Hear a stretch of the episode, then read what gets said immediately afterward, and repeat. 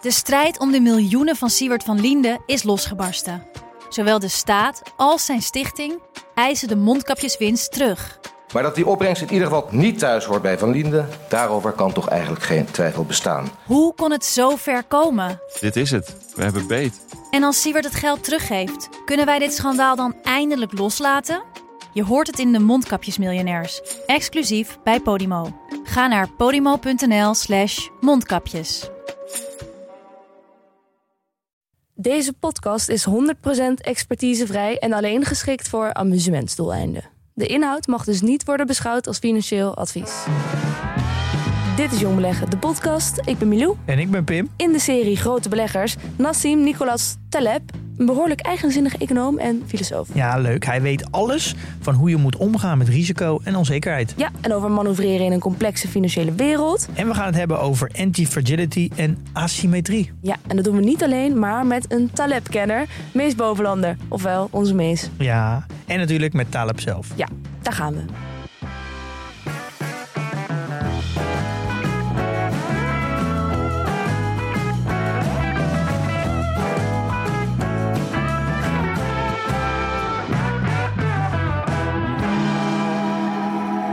Mees, welkom. Hallo. Leuk dat je terug bent. Ja, Nassim Nicolas Taleb. Je kent hem mogelijk van zijn boek The Black Swan, hier vaker besproken. Of eh, ja, van een van zijn andere bestsellers, Anti-Fragile. eh, misleid door toeval. Zijn expertise is ja, onzekerheid in een complexe wereld en hoe je je daarin precies moet manoeuvreren. En naast bestseller-auteur is hij filosoof en econoom. En het is de grote liefde van Mees Bovenlander. Toch, Mees? Ja, dat klopt. Ik heb hem in deze podcast, eh, denk ik, elke aflevering wel minimaal één keer genoemd. Eh, Ja, eh, er was wel een terugkerend thema, toch, eh, die Taleb. En ik zei al, hij is filosoof en econoom. Ik heb niet gezegd dat hij een belegger is. Eh, is hij een beetje een vreemde eend in de bijt, denk in onze serie over grote beleggers? Ja, hij heeft in zijn jonge jaren, toen hij echt nog ja, carrière-tijger was, heeft hij als option trader gewerkt. Heel veel geld verdiend. En als ik het goed begrijp, heeft hij uh, op dat moment heel veel geld verdiend. Uh, in een crash. Dat, is wel, ja, dat klopt wel een beetje met het verhaal wat we vandaag gaan vertellen. Heeft toen heel veel geld verdiend en heeft daarna een stap terug gedaan. En is gaan leven als flaneur, zoals hij het zelf noemt. Okay. Dus zoals hij zichzelf profileert, is eigenlijk dat hij denkt als beroep. Dus hij schrijft boeken. Hij denkt na voor bedrijven. Hoe moeten die omgaan met risico? En hij heeft, waar we later ook nog over gaan vertellen, samen met Mark Spitsnagel Universa opgericht. Is een soort collega van hem, Mark Spitsnagel. En hij is wel een belegger. Ja, compagnon. Ja, we hebben fragmenten van uh, voornamelijk Taleb klaarstaan. Uh, we zijn even helemaal weer in de materie gedoken, zoals we dat altijd doen. En uh, daar zit ook wat van Mark Spitsnagel bij. Waarover later meer. Even nog over die Taleb. Hij is dus inderdaad een, echt een denker. Hij heeft ook meerdere universiteiten, zoals in Oxford. En aan de New York University heeft hij lesgegeven. Ja, klopt. En het grappige is eigenlijk dat hij dus heel erg betrokken is in de academische wereld. Uh, maar daar ook tegelijkertijd heel erg op afgeeft. Dus uh, hij is heel erg tegen uh, het stramien in de academische wereld. Vindt dat heel veel mensen in die wereld zich niet als ware academici gedragen. En komt daar dus heel erg tegen in opstand. Wat is dan een ware academicus? Nou, hij vindt dat mensen te veel nadenken volgens vaste patronen. Dus modellen die ze worden aangeleerd als ze aan het studeren zijn. En die vervolgens gaan uitbouwen. Ten opzichte van zelf nadenken over hoe zit de wereld nou eigenlijk in elkaar. Uh, mm. Dus in plaats van, van beginnen vanuit een model, vindt hij dat mensen vanuit hun eigen expertise, vanuit hun eigen kijk op de wereld, moeten gaan nadenken. Het is ook bij dat, dat hij zegt dat de academische wereld heel erg denkt hoe de wereld werkt vanuit een academische blik, maar helemaal geen praktijkervaring hebben en daardoor dat die modellen nooit getoetst worden en aangepast worden. Maar dat er een soort van uh, ja, echo chamber waarheid ontstaat onder die, die mensen. Ja, ja, dat is een thema wat we vandaag denk ik uitgebreid gaan bespreken. Die academische wereld heeft best wel weinig skin in the game. Dat is ook een onderwerp wat hij graag bespreekt. Dus je kan natuurlijk heel makkelijk in die modellen blijven geloven, blijven leven... als je maar in die academische wereld blijft. Want ze worden nooit echt getoetst. Nee, zeker. Ja. ja ze denken eigenlijk te veel en ze zijn te weinig praktisch. Als ik het zo zeker. Um, hij heeft een IQ van 180... Nou, dat was mijn schatting. dat was je schatting. Oké, okay, maar in ieder geval een hele slimme man. En uh, je, zal ook wel in de fragmenten af en toe horen dat hij hier en daar een beetje gefrustreerd is. Want het is ook niet makkelijk, hè? Leven als uh, een hele slimme man met alleen maar dommere mensen om je heen. Lijkt me een hele vermoeiende aangelegenheid. Voordat we dan echt van start gaan, waarom is dit zo'n interessant onderwerp voor beleggers? Nou ja, het gaat natuurlijk heel veel over risico. En eh, zoals ik al vaker heb betoogd, vind ik dat eigenlijk het allerbelangrijkste onderwerp als het gaat over beleggen. Don't lose money, zoals Warren Buffett zegt. Het is regel 1. Mhm. En dat heeft natuurlijk alles met risico te maken. Dus ik vind altijd dat je moet beginnen bij waar ligt het risico? Hoe kan ik dat vermijden? En dan kunnen we daarna gaan hebben over returns en strategieën.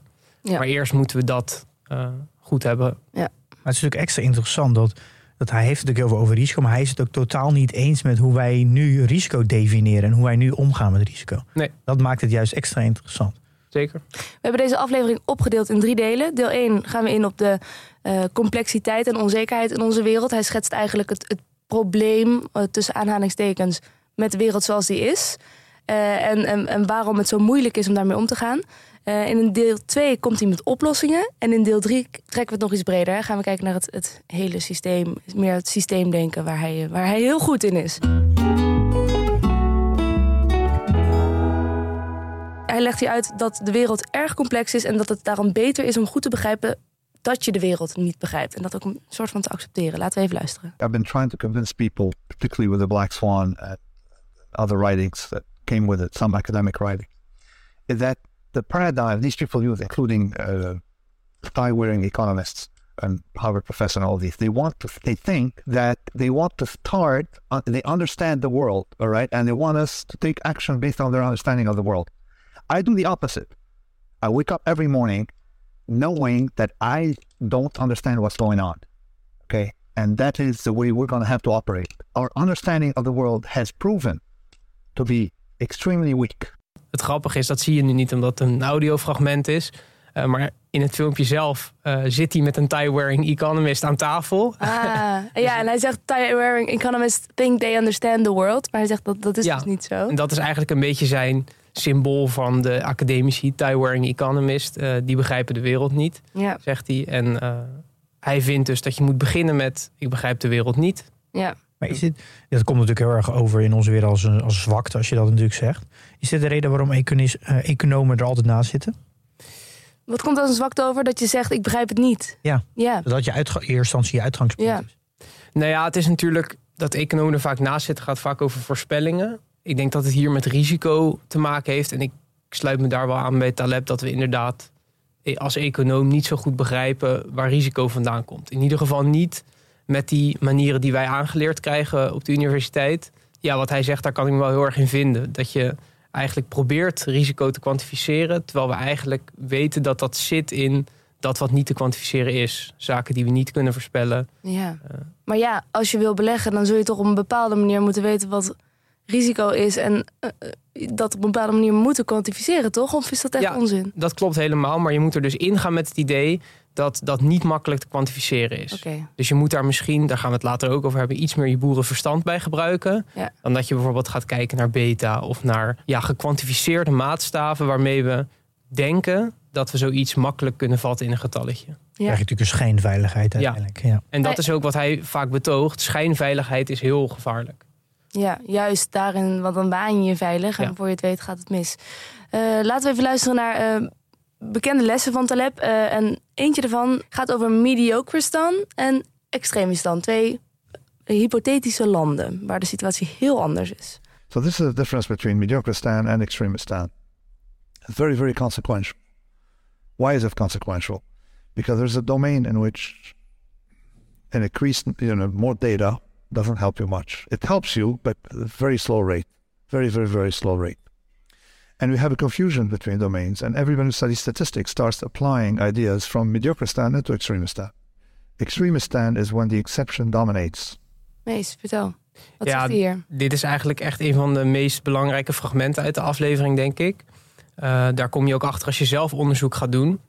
Wat hij eigenlijk simpel gezegd wil zeggen, is dat er twee verschillende domeinen zijn aan data. Eh, en dat je die op een andere manier moet benaderen. Data waar eh, uitschieters niet regeren en data waar uitschieters wel regeren. Uitschieters zijn dan de, de zeldzame voorvallen. Ja, het is natuurlijk per dataset heel afhankelijk wat zo'n eh, uitschieter voor invloed heeft. Als je naar lichaamsgewicht gaat kijken, als je de hele Nederlandse bevolking kijkt, zullen er uitschieters zijn. Maar ja, als je logisch nadenkt, hoe ver zullen die afzitten van het gemiddelde? En daarnaast, hoe ver zullen die het gemiddelde kunnen beïnvloeden? Ja. Dus stel dat die bijvoorbeeld eh, 20 kilo zwaarder zijn.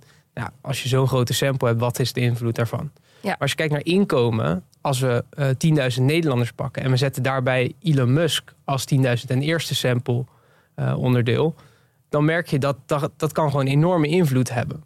Dus het belangrijkste wat hij zegt is eh, de snelheid waarmee die sample groter moet worden, neemt toe als die uitschieters heel veel invloed hebben. Dus als het de kans bestaat dat een uitschieter zoveel invloed heeft, dan heb je een extreem grote hoeveelheid data nodig. En wat zegt dat dan, dat je dat nodig hebt? Nou, dat je daar dus heel bewust van moet zijn. Als je zelf onderzoek aan het doen bent. ehm, ten eerste zegt dat dus, je moet je sample heel groot maken. Want anders loop je de kans dat je dus zo'n uitschieter mist. Mhm. En het tweede probleem wat er eigenlijk bij optreedt... is dat je nooit zeker bent of als je een steekproef doet... of je wel een, een representatieve sample hebt. Ja. Als je heel logisch nadenkt, als er eh 8 miljard mensen op de wereld zijn... en er is één Elon Musk, ja, hoe groot is de kans dat je net die uitschieter pakt? Ja. Terwijl zo'n uitschieter kan ons heel veel vertellen over hoe inkomen verdeeld is bijvoorbeeld. En als we het trekken naar beleggen. Als jij 100 jaar aan financiële data analyseert en jij mist net de crash, dus jij analyseert tot 100 jaar voor een crash en je mist net de dag van de crash, Mhm. wat zegt die data dan eigenlijk over wat je daarmee kan analyseren? Ja, eigenlijk veel minder dan opeens. Ja, Ja. en dat is dus het gevaar. Je weet niet dat je iets mist. Ja. Hij zegt ook: eh, absence of evidence is not evidence of absence. Dus je kan niet bewijzen dat je iets mist, want je weet nog niet dat het er is. Ik moet hierbij ook denken aan het voorbeeld van die kalkoen. Ja, zeker. Dat is precies dit probleem. Ja, dus de, de kalkoen eh, die heel goed behandeld wordt en gevoerd door de boer. Ja. Dagenlang dus ja, steeds meer bewijs van het zal wel een goed mens zijn, die boer. Tot die Ja. eh, kalkoen wordt geslacht eh, wanneer het Thanksgiving is. En toch niet zo'n leuke boer was. Ja, de Turkey problem. Ja. Het grappige is dat in 2000 is natuurlijk die eh dotcom eh, crash geweest. En we zitten nu, er wordt heel vaak 20 jaar teruggekeken. Ja. Wordt er, omdat heel veel van die eh, lijstjes, dan kan je 20 jaar aanvinken. Dus dan valt die crash natuurlijk er nu uit. Ja. Dus nu zie je al- die lijstjes die van bijvoorbeeld Warren Buffett, die eigenlijk heel erg geprofiteerd heeft van die dotcom. Is als nu de statistieken verder gaan, die gaat 20 terug, dan is die, dat voordeel die die heeft gehad, Ja. zit niet meer in die statistieken. Dus, je, dus, eigenlijk die excessen waar Warren Buffett heel erg op leunt, die vallen dan in één keer uit zo'n sample. Dus het geeft heel erg aan dat je, hoe belangrijk dat is om langere periodes te vergelijken en wel die soort van die uitschieters te pakken. Ja, en tegelijkertijd geeft het natuurlijk ook aan hoe kwetsbaar dan onderzoek is. Ja. Ik heb zelf onderzoek gedaan naar volatiliteit en ik heb toen voor de grap de 2000 er helemaal uitgehaald. Dat is natuurlijk voor lage volatiliteit, en zoals Pim ook zegt, een supergoeie periode. En mijn hele effect verdween door een crisis eruit te halen. Ja. Dus dan heb ik, ik heb gewoon significant bewijs van een bepaald volatiliteitseffect. En dan ga ik één jaar aan eh, bewijs eruit halen, terwijl het was 70 jaar aan data. Ja. En mijn effect verdwijnt. Maar om eh, over uh, mediocristan en extremistan te blijven, is we moeten uiteindelijk be- de beleggingswereld zien als uh, extremistan. Want één datapunt, dus bijvoorbeeld een maand aan returns, kan in principe ons gehele track record wegvagen. En in mediocre stand, dus in, eh, in een gemiddelde wereld, zou dat niet kunnen. Want het is één maand uit, nou hoeveel maanden gaan we in ons Ja. leven beleggen? Dat zou niet uit moeten maken als we kijken naar een Ja. vlak gemiddelde. Dus de tip van Taleb is dat je altijd moet realiseren in welke wereld je begeeft. Ja, en dat we dus bij academici gaan ervan uit dat we in mediocre stand leven. Bij het Ja. maken van beta-analyses. Er is de hele statistiek op geba- eh, gebaseerd. Daar is het hele Modern Finance is hierop gebaseerd. Dat als je sample groter wordt, Dat je zekerheid dat je toeneemt. zekerheid toeneemt. En dat we dus iets kunnen zeggen met onze data. Ja. Ja, de, de law of large numbers. Law of large. ja. Laten we even horen hoe hij denkt over dat mensen hier gewoon eigenlijk niks van begrijpen van eh, risico. So here we have a symptom that you notice in uh, economic academia of use of wrong tools that underestimate risk. I don't mind someone saying, this is a policy, these are the risks, these are the returns, let's see how it works. Bernanke does not seem to be taking that approach. He is someone who talks about returns without talking about risk. It's identical to a pilot who is talking about speed, not talking about safety. Ja, alsof er met snelheid alles gezegd ook is over de veiligheid van de passagiers. Als je te Ja, hard het is gaat, dan... eigenlijk een beetje 2021. Hè? De beleggingswereld had het alleen maar over snelle returns, speculatieve beleggingen. Only talking about speed, not about risk. En dat kan niet. Dat moet Ja. je niet los van elkaar kunnen zien. Ja, en dan heb je dat dus niet helemaal goed ingeschat, dat risico. eh, of niet, je hele je systeem klopt niet helemaal, wat je allemaal hebt meegenomen erin. Hoe erg is dat dan? Wat Nou ja, het kan natuurlijk best vergaande gevolgen hebben. Als je ook nu kijkt, eh, op het moment hebben we een aantal banken eh, zijn in de problemen gekomen. Dat is hier natuurlijk wel mee verbonden. Die notie dat obligaties per definitie risicoloos zijn, eh, dat treasuries risicoloos zijn, dat komt ook voort uit deze aannames over de wereld. Dat het allemaal risicoloos is. Mhm. En je ziet wel dat dat gewoon echt verregaande gevolgen kan hebben. Ik denk ook dat ik als ETF-belegger best wel risicoloos bezig ben. Ja, terwijl je in de meest risicovolle asset class belegt. nou ja, het voelt voor mij alsof het. Ja, dat zou ik dan ook wel weer. Dat zou ik dan niet helemaal goed inschatten, denk ik. Maar over het algemeen durf ik wel op te vertrouwen dat, er- dat de economie 6 of 7 procent per jaar blijft groeien.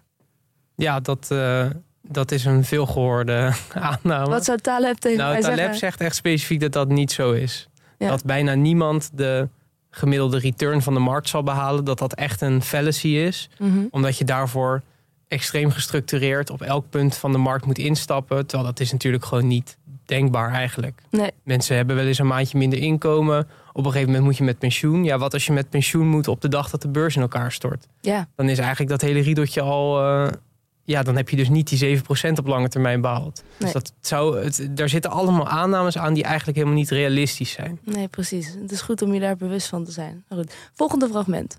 large numbers. About everything you do that's statistically based is based on that law. That as your sample becomes larger, no deviation is going to mess up things for you. You agree? If you eat, you know, I eat, uh, I don't know, I consume 800,000 calories a year. Not a single day is going to make me, you know, double my my my uh, my weight. All right, thank God. But unfortunately, not a single day uh, will make me lose half my weight unless you know I have surgery. All right. So the problem is that, but in finance, can you lose half your fortune in one day? Of course. When I became a trader, there's a I walked in. There's something called new member, a badge, means rookie. So you get abused by all traders who are bored, want to give someone life advice for life, so they grab you. So one guy grabbed, hey, come over here, kiddo. He said, okay, I showed up. He said, um, that was before this event, incidentally. He said, listen, you see the guy over there? I said, yes. He said, his name is Ed. Said, yes. He said, at a time, it was a lot of money. He made seven million in seven years. I said, yes. I said, he lost them all in seven seconds. Okay, kid. I said, kiddo, now you can go. All right. That was his advice that you can, you know, that you're in an extremist stand. The re- reasoning is different. Ja, het advies was dus: dit kan je verliezen, realiseer je dat. Ja, en dat je dus eigenlijk gewoon moet stoppen met kijken naar... ik heb het gemiddeld zo goed gedaan in de laatste x aantal jaren. Daar gaat het gewoon niet om. Als jij een portefeuille hebt die het extreem goed doet... maar dat er een risico bestaat dat jouw portefeuille op een bepaalde dag... eh 90% zal dalen, ja, dan wat is dat dan waard? Ja. Dat is eigenlijk wat hij zegt. Maar toch is dat wel waar mensen naar kijken. hè. Je, je vraagt ze, en hoe gaat het beleggen? Ja, nou, ik heb de afgelopen jaar zoveel rendement gehaald. Hoe moet je dan zeggen dat het gaat? Wat is wel een goede eh, maat? Nou ja, als je het heel eh, correct zou willen zeggen, dan zou je moeten beginnen met: Nou, ik heb deze risico's uitgebannen. Dus vanaf nu gaat het tellen dat ik rendement maak. Ja, dat is eigenlijk de manier, want dat, daar begonnen we ook de aflevering mee. Je moet beginnen bij: wat kan ik verliezen? En dan vanaf dat punt kun je gaan kijken: oké, waar komt mijn rendement vandaan? Ja. Maar we moeten niet dat, dat risico helemaal weglaten uit de discussie, want dat is gewoon het allerbelangrijkste. Ja. En hij zegt ook, ja, als iets fragiel is, daar komen we later op terug wat dat dan precies moet zijn, dan is tijd eigenlijk tegen jou. Dan werkt tijd tegen jou in. Want iemand die te veel risico neemt, zal op lange termijn daarmee geconfronteerd worden. Het was echt super interessant. Dat als je fragiel bent, dat tijd tegen je werkt. Dan kan je een geluk hebben, bijvoorbeeld zeven jaar goede returns. Ja. Maar omdat, dus eigenlijk hoe langer je dan belegt, dat je uiteindelijk weet dat gaat een keer tegen je werken. Ja. Eh, dus eigenlijk hoe langer je bezig bent, hoe groter dan de kans weer wordt. Dus tijd is eigenlijk je vijand. Ja. En je wil eigenlijk juist het spel spelen waar tijd in je voordeel is. Ja, ik bedoel, een kristallen glas is best wel fragiel. Je kan het zeven jaar, kun je eruit drinken, gaat het goed, maar je hoeft maar één keer te breken. En dat is dan kapot. Ja. Forever. And, and, and it's not predictable. Okay, they tell you it's predictable. If you go to the finance building, they think it's predictable. If you go to the economics building, they're convinced it's predictable. It is not predictable. So that's the problem, that there are events that have a huge impact, and we can't tell ahead of time when they're going to come, and we have no idea about the structure. And people, fool themselves thinking they have an idea about the structure. So you have to understand what domains are affected by these large deviations. And also, I don't know if you're someone here is from Brooklyn, but in Brooklyn they say that you should make lemonade every time someone gives you a lemon. So you got to make lemonade out of it. Ah, ja, dus hij hier, zegt, hij, oké, dit zijn alle problemen, maar je kan er iets van maken. Ja, het is eigenlijk een beetje de afronding van het eerste onderwerp. We weten nu wat er fout gaat. Er bestaan bepaalde domeinen waarin uitschieters regeren. Daar werken die tools niet die we gebruiken om risico in te schatten. Mhm. Ehm, maar daar moeten we iets mee. We gotta make lemonades out of it. Ja, En een dat eigenlijk- opsteker. Maar je zou bijna denken dat het ook wel een beetje een negatieveling is bijna. Maar dat is natuurlijk Nee, dat zo. valt echt reuze mee. Maar hij is een beetje, hij praat een beetje bozig. Dat Ja. is het vooral. Goed, deel 1 gehad. Eh, de moeilijkheden van de wereld waarin we leven. Gaan we naar deel 2. Hoe kunnen we hier mee omgaan? En het antwoord is anti-fragility. Ja, dat is eigenlijk de staat van zijn die we volgens Taleb moeten bereiken om in zo'n wereld waarin onzekerheid regeert eh, te kunnen overleven. Ja, en dan even nog kort, wat is dat ook alweer? Je hebt natuurlijk fragiel, we zeiden het net al. Eh, en mensen denken vaak het tegenovergestelde daarvan is robuust. Van, er gebeurt helemaal niks. Eh, het is als het ware een steen. Je kan het op de grond gooien, maar het blijft een steen. Maar er is nog een stapje verder. En dat is anti-fragile. Ja. En dat betekent dat het kan profiteren van de chaos en de onzekerheid... die je eh, confronteert met het object of met het, met het ding. Ja, het is een spectrum. Ja. En we zeggen dan dat fragiel houdt niet van, van volatiliteit, van variantie en van tijd dus ook. Dat hebben we ook net al gezegd. Ja, Eh, robuust, dat maakt eigenlijk niet uit. Dat, eh, die is daar ongevoelig voor. neutraal. En antifragiel kan gedijen bij volatiliteit, bij variantie. En ook bij tijd? Dat betekent ook logischerwijs dat het eh, tijd nodig heeft om waarde te creëren. Oké, nou laten we even luisteren naar wat Taleb daar zelf over zegt. Pretty special, but if you jump 10 meters, that's 33 feet. I guess people here in Palo Alto in this area, they die, no? Very good, no? They would die, all right. Now, if you jump 100 times 10 centimeters, you survive, no? Okay. Every, uh, okay, you, it means your exposure is not linear to harm. You're harmed a lot more jumping 10 feet than if you jump 10 times one foot. You see, so you have an acceleration of harm. If I smash one of the Maseratis you see in Palo Alto against a wall at 100 miles per hour, I'm going to damage it a lot more than if I smash it 100 times at 1 mile per hour. You agree? So you have, it means that there is disproportionate harm coming, an acceleration of harm. It's a second uh, uh, order effect. Fragility is in a second order effect. Oké, vertaal even, Mees. Ja, hier hebben we het vorige keer eh, in de aflevering over hatching hebben we het hier al eventjes over gehad. Over convexiteit, concaviteit. Ehm, dat heeft eigenlijk te maken met die schade in een portfolio is niet lineair. Twee keer een daling van 10% is niet even vervelend als een daling van 20%. We hebben Ja. toenemende schade, ervaren we. Het is een convexe functie. En ja, dat zien we in portfolio's. We hebben liever dat een portfolio een aantal keer 10% zakt... dan dat die in één keer 50% zakt. Ja, oké. En dat is dus een onderdeel van fragiliteit. We zijn dus fragiel omdat we toenemend vatbaar zijn voor verliezen. Dat is eigenlijk wat hij hiermee wil zeggen. Eh, Ja. Dat we ons in dat spectrum, dus op de fragiele kant van het spectrum begeven. En hoe sluit dit aan op, die, eh, op het verhaal van de Black Swan? Ja, dat is dus inderdaad wat hier eh, mee wordt verbonden. Die black swans zijn dus die uitschieters die grote invloed hebben. Ja, En omdat we heel vatbaar zijn voor grote verliezen, eh, is een black swan dus eigenlijk heel vervelend. Want op dat spectrum, we zijn fragiel, dus we hebben toenemende schade. Ja. En zo'n black swan zit in de til, dus dat is een heel grote hoeveelheid schade. Dus we zijn heel vatbaar voor black swans. Ja, precies. En omdat je de tijd tegen je hebt, als je fragiel bent, Ja. weet je dat zo'n Black Swan uiteindelijk een keer gaat gebeuren. Ja, dus als jij een portfolio hebt waarin je helemaal geen rekening houdt met bepaalde risico's, systeemrisico's, dan heb je eigenlijk de tijd tegen je. Want je Ja. bent in zekere mate fragiel.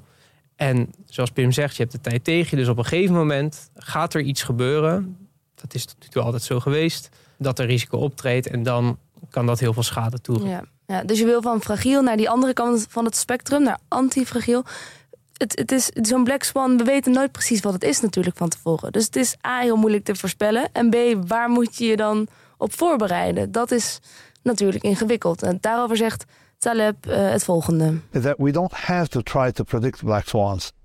What you want to do is build systems that are robust to black swans or can even benefit from some kind of disorder. And instead of predicting events, we can we can measure sensitivity to these extreme events by systems. Now, what is robust? Well, visibly, if you don't have debt, you're much more robust than someone, your name next door neighbor who has a lot of debt. If a company doesn't have a lot of leverage and has enough inventory, it's going to be vastly more robust than a company that has visibly uh, is, is sailing close to the wind. And, and that's my idea. So I generalized it to political systems, to, of course, find, we can talk about at any level, political systems, financial decision making on a part of the individual, or, uh, you know, uh, at, at, at uh, visibly corporations, or how to invest. So we can talk about it at different levels. Wat zegt hij nou eigenlijk? Ja, hij zegt dus eigenlijk, we hoeven niet te voorspellen als we weten dat risico onvoorspelbaar is. Dat is eigenlijk de boodschap die hij wil geven. Dan moeten we alleen bekijken als we, we kunnen het hebben over een portfolio bijvoorbeeld. Dan moeten we weten als we bepaalde assets in onze portfolio hebben, hoe reageren die in het geval van bepaalde vormen van stress. En dan kunnen we daarover nadenken. En we gaan dus niet voorspellen wanneer gaat die stress optreden of hoe gaat die stress optreden. Maar we moeten gewoon bezig zijn met hoe kan ik mijn portfolio op het moment dat er een bepaalde vorm van stress optreedt, daar beter tegen beschermen. Ja. En als je dat spectrum hebt van fragiel naar antifragiel, het is ook niet um, heel realistisch dat je echt helemaal in die antifragiele kant van het spectrum komt. Maar robust is ook goed. Ja, of in ieder geval minder fragiel. Ja. Want je hoeft natuurlijk ook niet te profiteren van alle crashes. Het belangrijkste is dat je niet die uh, extreme drawdowns in je portfolio hebt. Ja, ja. Als je al kan voorkomen dat, we, dat je van min 50 naar een min 20 kan gaan, is dat een extreme vooruitgang. Kunnen we het concreet maken met een voorbeeld? Ik moet zelf heel erg denken aan, uh, aan Bezi. Uh, ik vind dat een van de, denk ik, de weinige bedrijven die heel erg uh, anti-fragile zijn ingericht. Maar dat komt denk ik ook door de CEO die er zit, die vanuit Nature, die zit er volgens mij al 25 jaar. Die zo goed weet dat die business zo cyclisch is.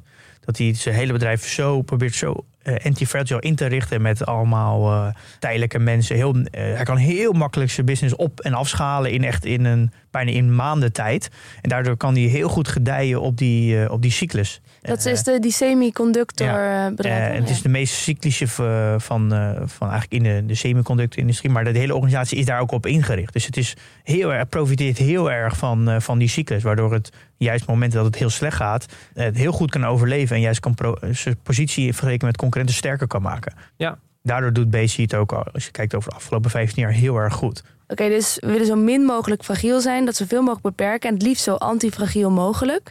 En wat we aan het begin zeiden, je gaat dus naar antifragiel, dat betekent dat je gaat profiteren van chaos en van onzekerheid. Ja. En daarover zegt Taleb het volgende. Okay, trial and error, the error has to be small. So the anti-fragile, you're an environment where the errors are small and of small cost, and the gains are large and unlimited. And then you are positioned properly towards the black swan, unpredictability, all these things. This is what's central. And you can model it exactly like an option. And an option increases monstrously in value when there is volatility. Ja, het belangrijkste is eigenlijk wat hij zegt, is dat je die kosten moeten gewoon heel laag zijn. Zo word je antifragiel door tegen hele lage kosten je risico's af te dekken. Maar dat die payoff op het moment dat zo'n risico optreedt extreem hoog is, ongelimiteerd. Ja. Dus je bent eigenlijk jezelf aan het verzekeren tegen een bepaald risico. Ja, dat... En die payoff is in dat geval ongelimiteerd. Ja. En eigenlijk, nou, verzekeraars weten, je moet nooit ongelimiteerd verzekeren. Dat is gewoon super riskant. Maar in de optiemarkt is dat niet zo. Er is geen cap. Of tenminste, er bestaat wel een cap, maar die is heel hoog. Ja, oké. Okay. Precies. Dus je zegt eigenlijk van, het, ik neem een beetje verlies. Dat weet ik. Dat, dat staat vast. Maar de mogelijkheden van de winsten ervan, of het rendement of de, de, de positieve kanten daarvan, die zijn in feite bijna oneindig. Dat, is, dat kan veel verder doorstromen. En dat is die asymmetrie. Ja, dit kan je natuurlijk eigenlijk is aan, uh, asymmetrie wat je eigenlijk zoekt in alles wat je doet. Uh, ook gewoon als werknemer of als ondernemer wil je eigenlijk in alles wat je doet wil je asymmetrie hebben, want dat is de reden hoe je eigenlijk succesvol wordt. En dat kan je eigenlijk heel simpel kijken, kijken naar gewoon het maken van content. Als je een podcast maakt of blogt of uh, video's maakt, is, er zit een extreme asymmetrie in, omdat je maakt het één keer. En dat kost je maar een x bepaalde tijd, maar dat kan bijna oneindig aantal keer beluisterd worden. En ook door onei- bijna oneindig veel mensen. Als je het in Engels Ja. doet, zou het eh, zeg iets van 5, 6 miljard mensen in theorie kunnen zijn. Ja. Er zit een extreme asymmetrie in. En dat zo wil je eigenlijk ook ondernemen of in ieder geval als werknemer jezelf inrichten. Want dan heb je ook geen cap op, op de, hoe je, wat voor salaris je uiteindelijk kan krijgen. Dus wat voor waarde je kan creëren. Ja. Als je een beroep doet waar geen asymmetrie in zit, dan weet je dat je salaris gewoon gecapt wordt uiteindelijk. En hier komt ook Mark Spitsnagel in het spel, hè Mees? Ja, die is eigenlijk een beetje de praktische kant van dit verhaal.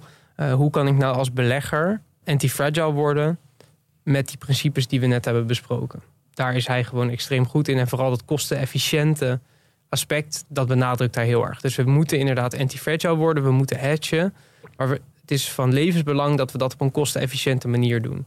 but certainly, you know, over the years, I, I would say, without a doubt, the biggest influence on what uh, on the evolution of what I do as an investor has been, uh, without a doubt, uh, the great Warren Buffett. I mean, he is he has been the greatest, and he I think will always be the greatest. And his insights, I think, have been very important to how we go about risk mitigation. I mean, just very briefly, um, uh, you know, it's it's this idea that risk mitigation has both this defensive and offensive component. And he, you know, he is the guy that, uh, you know, like Rockefeller, buy when blood is running into the streets. And this is the ultimate uh, strategy. It's the ultimate value uh, approach. But I think more than that, th- you know, I, I write in my books that, uh, you know, t- the tail hedging, for lack of a better word, the way I do it is sort of a cousin to value investing. Um, and that is because, at least the way we do it, and that is because I think what's special about Graham and, and, and Buffett and the value investors in general is that these are really the only guys that understand that risk mitigation really should be a source uh, of benefit, not just, it's not just a source of sort of lowering the risk or like hiding away, you know, when dark clouds uh, uh, approach, but rather it should be a source of actually, it should be accretive to wealth risk mitigation should be something as a direct consequence of which you are actually wealthier later. And this is, of course, completely antithetical to the teachings of modern finance. But the value guys get this. Nou, dat is wel een inspirerend idee. Hè? Dat risico is niet iets wat je gewoon moet doen. Maar je moet eigenlijk daar ook van... Dat moet insteek zijn dat je ervan wil profiteren. Ja, dit is eigenlijk heel erg dat boerenverstand. Want het is eigenlijk, als je erover na gaat denken, is heel logisch. Waarom doen we alles wat je doet in beleggen, moet uiteindelijk terugkomen naar returns. Want dat, dat is wat we aan het doen zijn. We Ja. zijn geld aan het beleggen en willen dat het meer waard wordt. En als je gaat redeneren vanuit modellen, wat dus heel erg gebeurt in modern finance, dan eindig je er dus inderdaad mee dat je gewoon risico aan het vermijden bent om het risico vermijden. Ja. Het heeft helemaal geen, het sluit helemaal niet meer aan bij de essentie. Eh, en daar is hij dus ook heel erg tegen. Risico moet je niet zien als een kostenpost of een iets wat, je, wat vervelend is. Je moet het gewoon zien als het is er. Nieuwe kans. Hoe kunnen we ons portfolio inrichten dat we gewoon rijker worden door gebruik te maken van volatiliteit? Hij zegt eigenlijk risico is zowel een offense als een defense. Zeker, ja, dat, Ja. Dat, hij zegt inderdaad dat de value guys, om maar even over, zo over Warren Buffett te spreken, dat zij de enige zijn die dit snappen. Dat is denk ik ook de reden waarom Buffett een zo'n lange track record heeft. En een zo'n goede outperformance heeft over een lange periode. We kunnen wel van hem zeggen dat hij antifragiel is. Ja, Ja. nou, dat is wel ook wel leuk, want Taleb zegt daarover: alles wat de tand destijds heeft doorstaan, is per definitie tot op zekere hoogte antifragiel. Ja. Komt natuurlijk in die tussentijd, als jij Warren Buffett bent en je belegt 70 jaar, dan komt er natuurlijk op een gegeven moment een stressor. Hij heeft al zoveel crisis doorgemaakt. Ja. En het feit dat iets of iemand zo lang kan overleven, geeft toch aan dat hij tot op zekere hoogte het idee heeft begrepen. Het is misschien zelfs ironisch dat er wordt gezegd... Ja, Buffett kan alleen maar profiteren van crisissen. Dat dat heel erg wordt gezegd als iets negatiefs. Ja. Maar eigenlijk, in het verhaal van Taleb is het juist extreem positief... dat hij dus juist heel anti-fragile is. Maar als de hele wereld bloedt, dan mag jij niet profiteren. Denk erom. Nou, het idee daarachter is meer dat je, eh, dat je dus eigenlijk altijd achterloopt. En dat je dus alleen maar een outperformance halen in, in, in- als het negatief is. Dus dat Ja. is een soort van wachten op negativiteit. Ja. Maar dat heeft hem eh, ja, geen uh, windeieren gelegd. Ja, goed. Nee, maar je ziet toch ook weer... Bij Buffett wordt altijd gedaan alsof het een beetje eh, simpel... en dat dat zijn trademark is. Maar volgens mij zit daar zoveel achter. Dat kan bijna niet dat iemand zo goed is dat hij en het allemaal zo simpel laat overkomen. Dat, er moet meer achter zitten en hij laat daar veel te weinig. Misschien, misschien eh, komt er nog een eh, aantal boeken van hem naar, naar boven als die is overleden. Een soort van eh, bijbel die hij achterlaat. Ja. Ja, wie weet. Spitsnagel heeft ook iets gezegd over het woord dat Mees bijna kokhalzend uitspreekt. Modern finance. is long, you know, and the rate of compounding. I mean, the argument here that I'm making is that we should move away from this idea of sort of risk adjusted returns or mean variances. This is what modern finance is all about, modern portfolio theory is about. And to me, risk adjusted returns, there's no, that's the three most disingenuous words in investing. Because if you think about it, what are we doing with risk adjusted returns? Do you, um, the, again, the idea of modern portfolio theory is that we engage in risk mitigation to lower volatility. We could we don't need to argue about how to define risk, but let's just say risk or volatility. Um, and in so doing, you also lower your rate of compounding. You lower your wealth. That's recognized by everybody. But as long as that ratio is going up, that that that um, that the expected return relative to your volatility or your risk, your risk adjusted returns are going up, and you feel like you're doing something productive. Now, all hedge funds, all of risk mitigation fixed it off the, the whole all of capital allocation is really geared towards this and i think we need to question this because i argue that risk mitigation should not be the cure that's worse than the disease Wacht even, nou moet ik even ingrijpen. Ja? Hij zegt dus dat eh, risk-adjusted returns onzin is. En dat is wel iets wat je altijd hoort. Als je je rendementen communiceert, dan wordt er altijd gelijk gezegd... ja, maar hoeveel risico heb je daarvoor gelopen? Ja, ik Ja. denk op zich dat die vraag nog wel, dat die daar nog wel zich zou, in zou kunnen vinden. Dus dat je risico en rendement tot op zekere hoogte met elkaar moet relateren. Maar wat hij zegt is, je moet het niet corrigeren voor volatiliteit, want dat slaat gewoon nergens op. Die return die je hebt behaald, eh, moet gewoon maximaal zijn. En als jij te veel risico neemt, komt dat vanzelf terug in die return. Dus we hoeven niet te adju- adjusten voor risico. Risico adjust zichzelf in jouw return. Ja. Dus de, de- eigenlijk de enige manier hoe je goede vergelijking kan maken is een, is een kakker. Dus een compounding annual growth rate. Dus als je dus, een, een, dus heel veel risico zou nemen... eh, dan komt dat uiteindelijk in je compounding rate naar voren. Want één heel slecht jaar, dat eh, haalt je, je kakker echt flink naar beneden. Dus als je te veel risico neemt, gaat die omlaag. Ja. En degene die aan het einde van de rit de hoogste growth rate heeft, heeft gewoon het spelletje goed gespeeld. En je Eh, vergroot je kakker eigenlijk...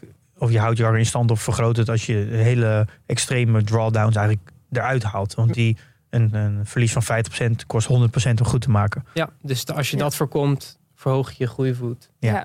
Nou, laten we even luisteren naar eh, wat Taleb dan zegt over hoe je nou een portfolio op een goede manier eh, kan inrichten. So something called via negativa. How to make something robust. To make something robust, there are two things. Because of Jensen's inequality, it's better to walk and sprint rather than just jog. So you have uh, uh, strategies that are um, uh, have variations in them. Bipolar strategies are vastly better than uh, mono, you know, strategies.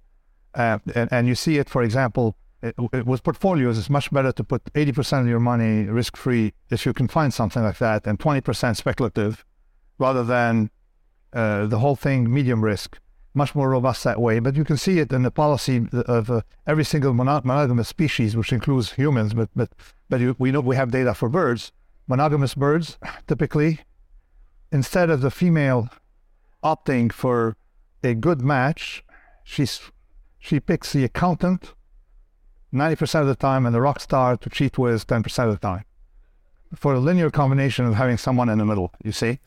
Wat zegt hij hier nou? Ja, hij, hij vertaalt het naar een, Naar, naar een, de eh, misschien wat platgeslagen gender verhaal. Maar wat hij eigenlijk zegt is dat je hebt Jensen's inequality. En dat wil eigenlijk zeggen dat polarisatie beter is dan lineariteit. Ja. Dus Niet joggen? niet joggen, maar lopen en sprinten. Ja. En dat geldt ook bij beleggen. Je wilt niet een hele portfolio medium risk, dus met alles een, een beetje risico lopen, maar je wilt eigenlijk een grootste gedeelte wil je risicovrij of in ieder geval heel laag risico. En een klein gedeelte van die portfolio wil je heel veel risico, zodat je ook die upside meeneemt. Ja. De downside wordt heel erg eh, afgedekt door die 80% van het portfolio. En de upside moet je dus heel explosief meenemen in die 20%. Ja. Nou, helder. Dus dan is het ook niet erg als je soms even wat langzamer gaat. Met zo'n sprint maak je dat dan wel weer goed eh, waarschijnlijk. En dan kom je verder dan alleen maar joggen.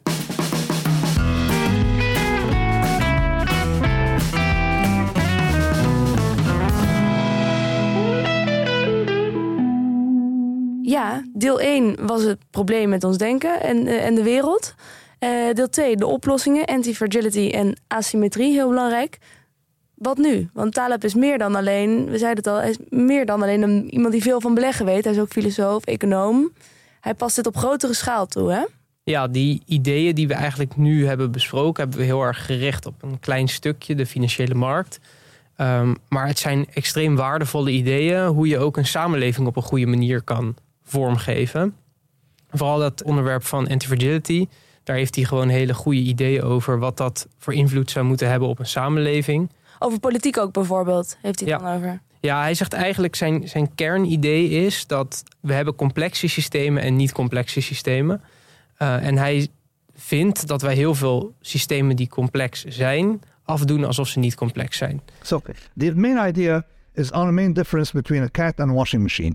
But it, so, but that's the central idea. What's the main difference between the organic and non-organic? Between the engineered and non-engineered. This is a watch, okay, and this watch will never benefit from a random event. Do You agree? Okay. If you bang on it, it's not going to get better. My my my uh, bones get better if I bang on a table. All right. May uh, break the table. You know, if you do too too much, you need a stronger table. Okay, over time. So there's a difference between the organic and the engineered. The organic communicates with its environment via stressors and only via stressors. Your skin doesn't communicate with the environment via your brain. If you go in the sun, it, it, it, will overshoot, thinking there's going to be more sun tomorrow and will uh, will uh, darken. You agree? Same with bone density. Same with stuff like that. Shocks improve. This is why people go to the gym. We don't quite get that idea that some things we classify as engineered because we read too many books about them. Okay, effectively are organic.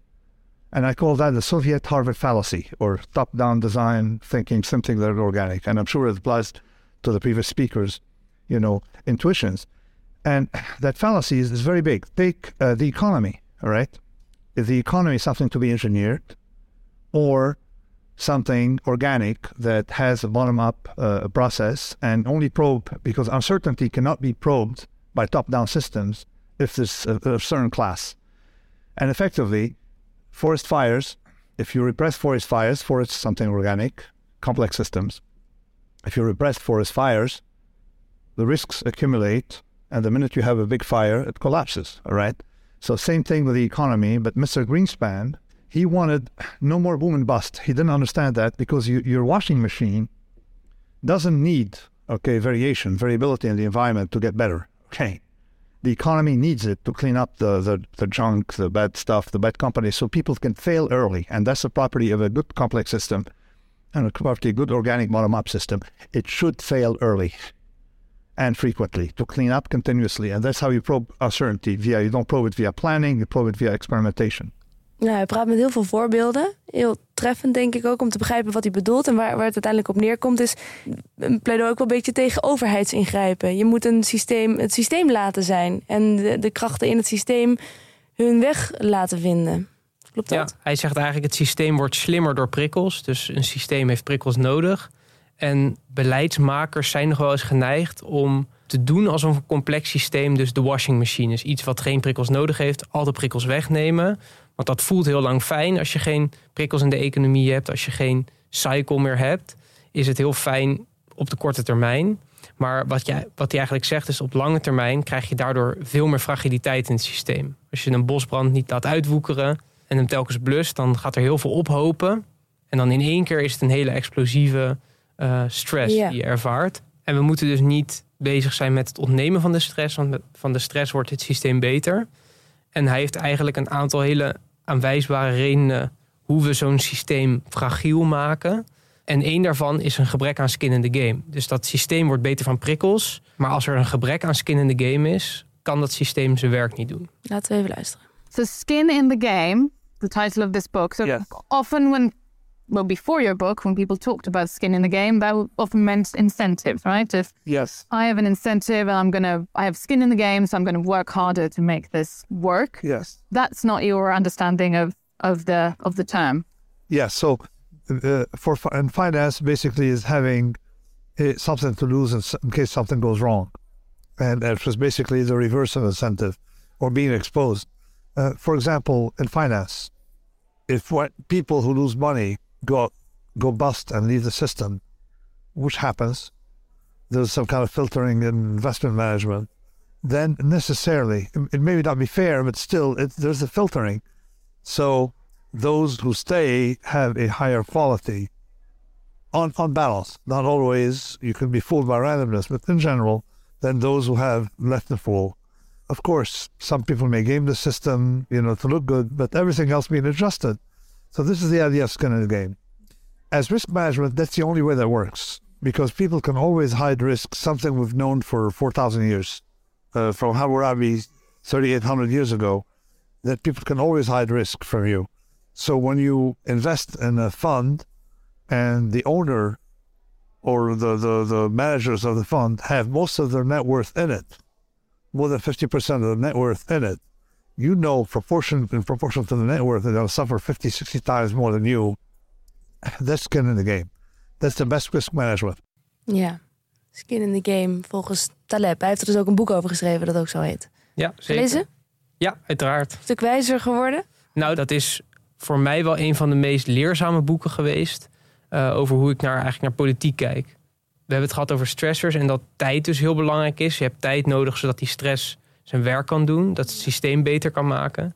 Maar als er gewoon geen skin in de game is, dan werkt dat niet. Als je bankiers hebt die risico kunnen nemen, maar niet uh, de gevolgen dragen van dat risico, dan wordt het systeem niet slimmer. Ja, of Want, premiers die of premiers foutjes die, maken en uh, ja, blijven zitten. Ja, het is natuurlijk geen, goed, geen goede boodschap dat iemand die fouten blijft maken op de plek mag blijven. Je kan zeggen hij moet zichzelf verbeteren, maar je kan ook zeggen ja, het systeem als geheel moet nu iemand in zijn plaats krijgen. Ja. Onderdelen van het systeem moeten fragiel zijn, zodat het systeem als geheel antifragiel kan zijn. Ja, en niet andersom. Nee, en in het geval van bankiers, politici, heb je dus dat zij antifragiel zijn en daarmee het systeem fragiel maken. Ja, zij willen blijven zitten en uh, hun, baan behouden en het, blijven doen zoals het gaat. Maar de samenleving die antifragiel zou moeten zijn, die wordt juist dan fragiel, want dan, dan werkt het niet meer zoals het zou moeten werken. Precies. Ja.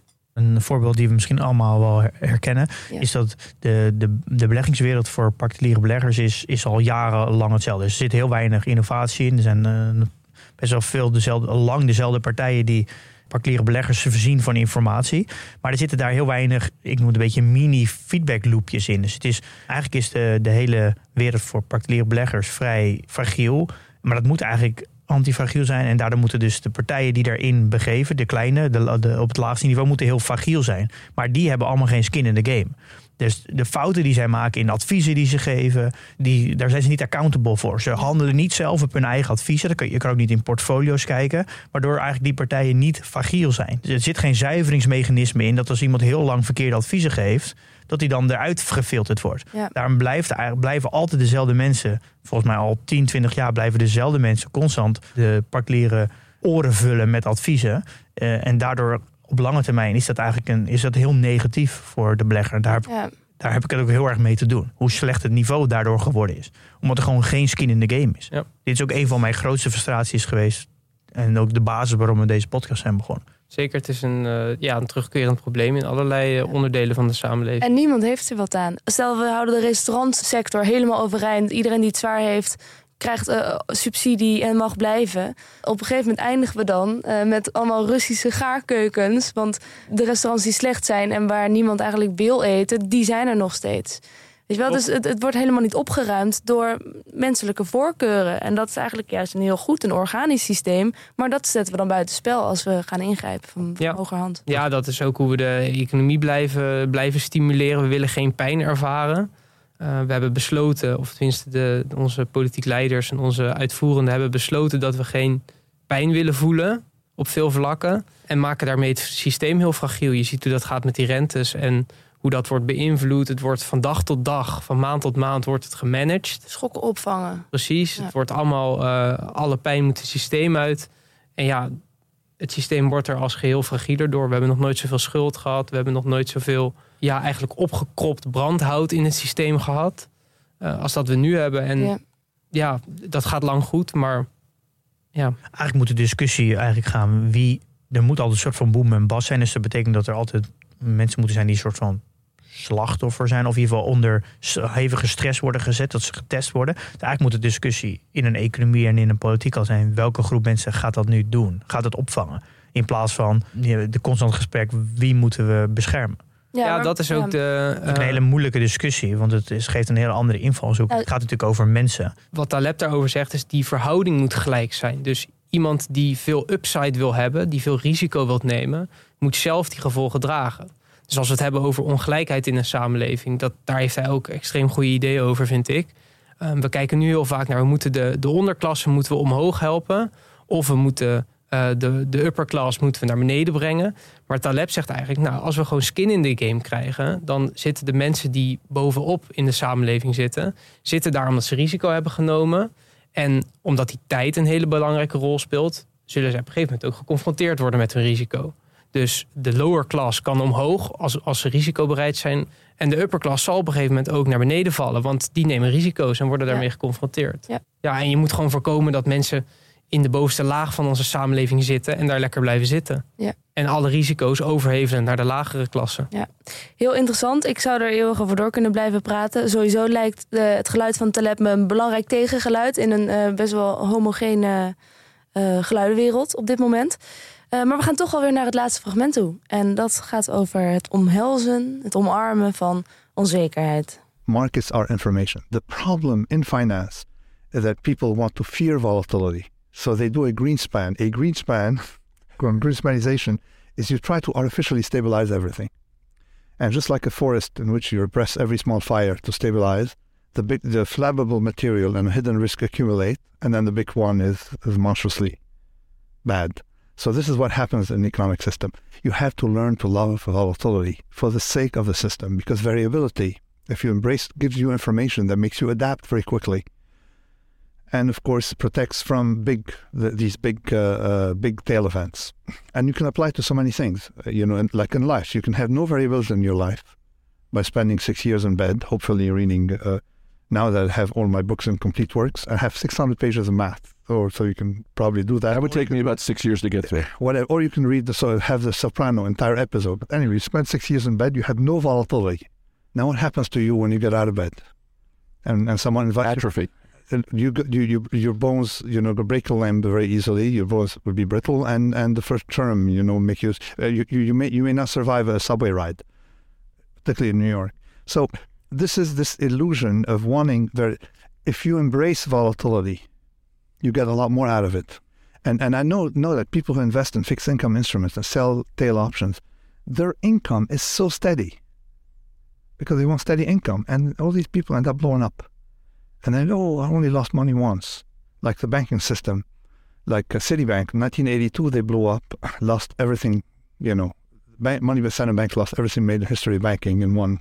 Said oh, only we only had one done quarter, you know. That's what they say, and it happened to them again, of course, in 2007, 2008. Ja, dit valt het allemaal wel inderdaad mooi samen. Ja. En wie wil er nou ook zijn hele leven in bed liggen? Precies, omarm volatiliteit. Ja. Als je volatiliteit of variantie of risico gaat zien als iets wat je alsmaar probeert te ontlopen, dan zoek je het eigenlijk juist op. Dat is wat hij zegt. Ja, ik, eh, ik heb er niks aan toe te voegen. Wat jij, Pim? En Jammer dat het al afgelopen is. Ja. Ehm, nu is natuurlijk wel, ik denk dat heel veel mensen ook de vraag zitten, ja, oké, Mees, maar hoe vind dit, deze manier van denken super interessant en ook de manier van kijken naar risico, maar hoe kan ik dit nou toepassen?